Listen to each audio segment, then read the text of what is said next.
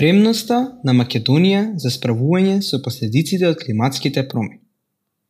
Летово избувнаа голем број пожари во Македонија, на целиот Балкан, Италија и Турција и искрено не ја разбирам за чудината на луѓето со овие случувања.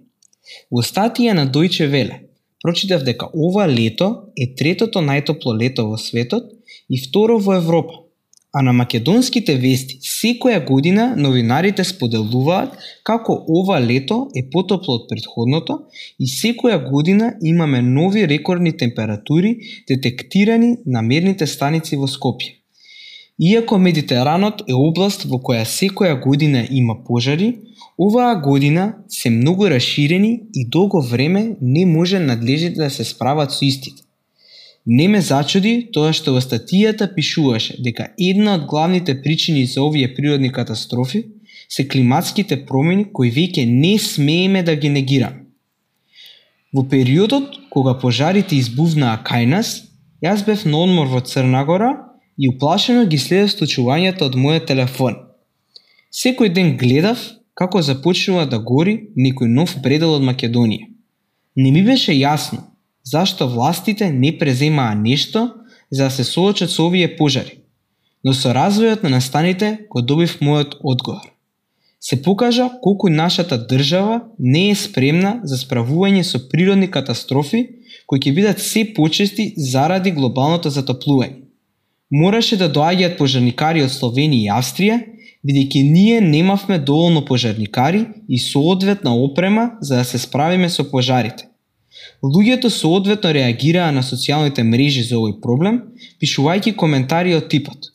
Да не беа словеничките и австриските пожарникари, ќе изгореше цела Македонија. Би сакал да направам споредба со тоа што го видов во Црна Гора, односно близу местото каде што престојував избувна голем пожар. Во рок од неколку часа беше изгаснат пожарот и тоа беше резултат на добрата организираност на црногорските пожарникари. Колумнава ја пишувам затоа што мора нашата земја да почне да презема мерки за адаптација од последиците од климатските промени. За жал, со нашето деструктивно однесување нема да може да ги превенираме и ќе бидеме принудени да се приспособиме кон последиците од климатските промени. Токму за пример ги земав пожарите кои се случија кај нас, затоа што тие покажаа дека ние немаме опрема и имаме дефицит од стручни лица за справување со природни катастрофи. Наместо да го следиме светскиот тренд за инвестирање во зелени политики, ние продолжуваме да ги игнорираме овие проблеми. Реченицата ова нема да се случи кај нас веќе не е валина, затоа што ние веќе ги гледаме последиците од климатските промени кај нас. Властите мора да ги отворат своите очи и да почнат да действуваат.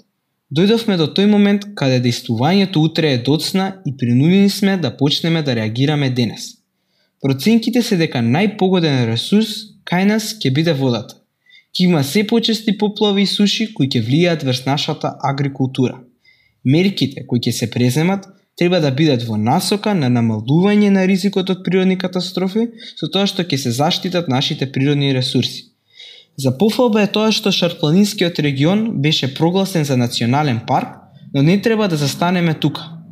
Би требало сега да садиме дрвја во пределите кои беа погодени од пожарите, да ги обезбедиме речните корита за да се намали ризикот од поплави, да обезбедиме модерна технологија за справување со природни катастрофи, како и да се создаде кадар кој ќе може да се справи со истите. Патот за да се спроведат овие политики ќе биде долг и тежок, но мора да чекориме цврста по истија. Треба да преземеме сите одговорност и со своите експертизи, вештини и проактивност да се бориме за да ги заштитиме нашите убавени, затоа што колку повеќе се грижиме за нив, толку повеќе тие ќе се грижат ние да останеме живи и да имаме квалитетен живот.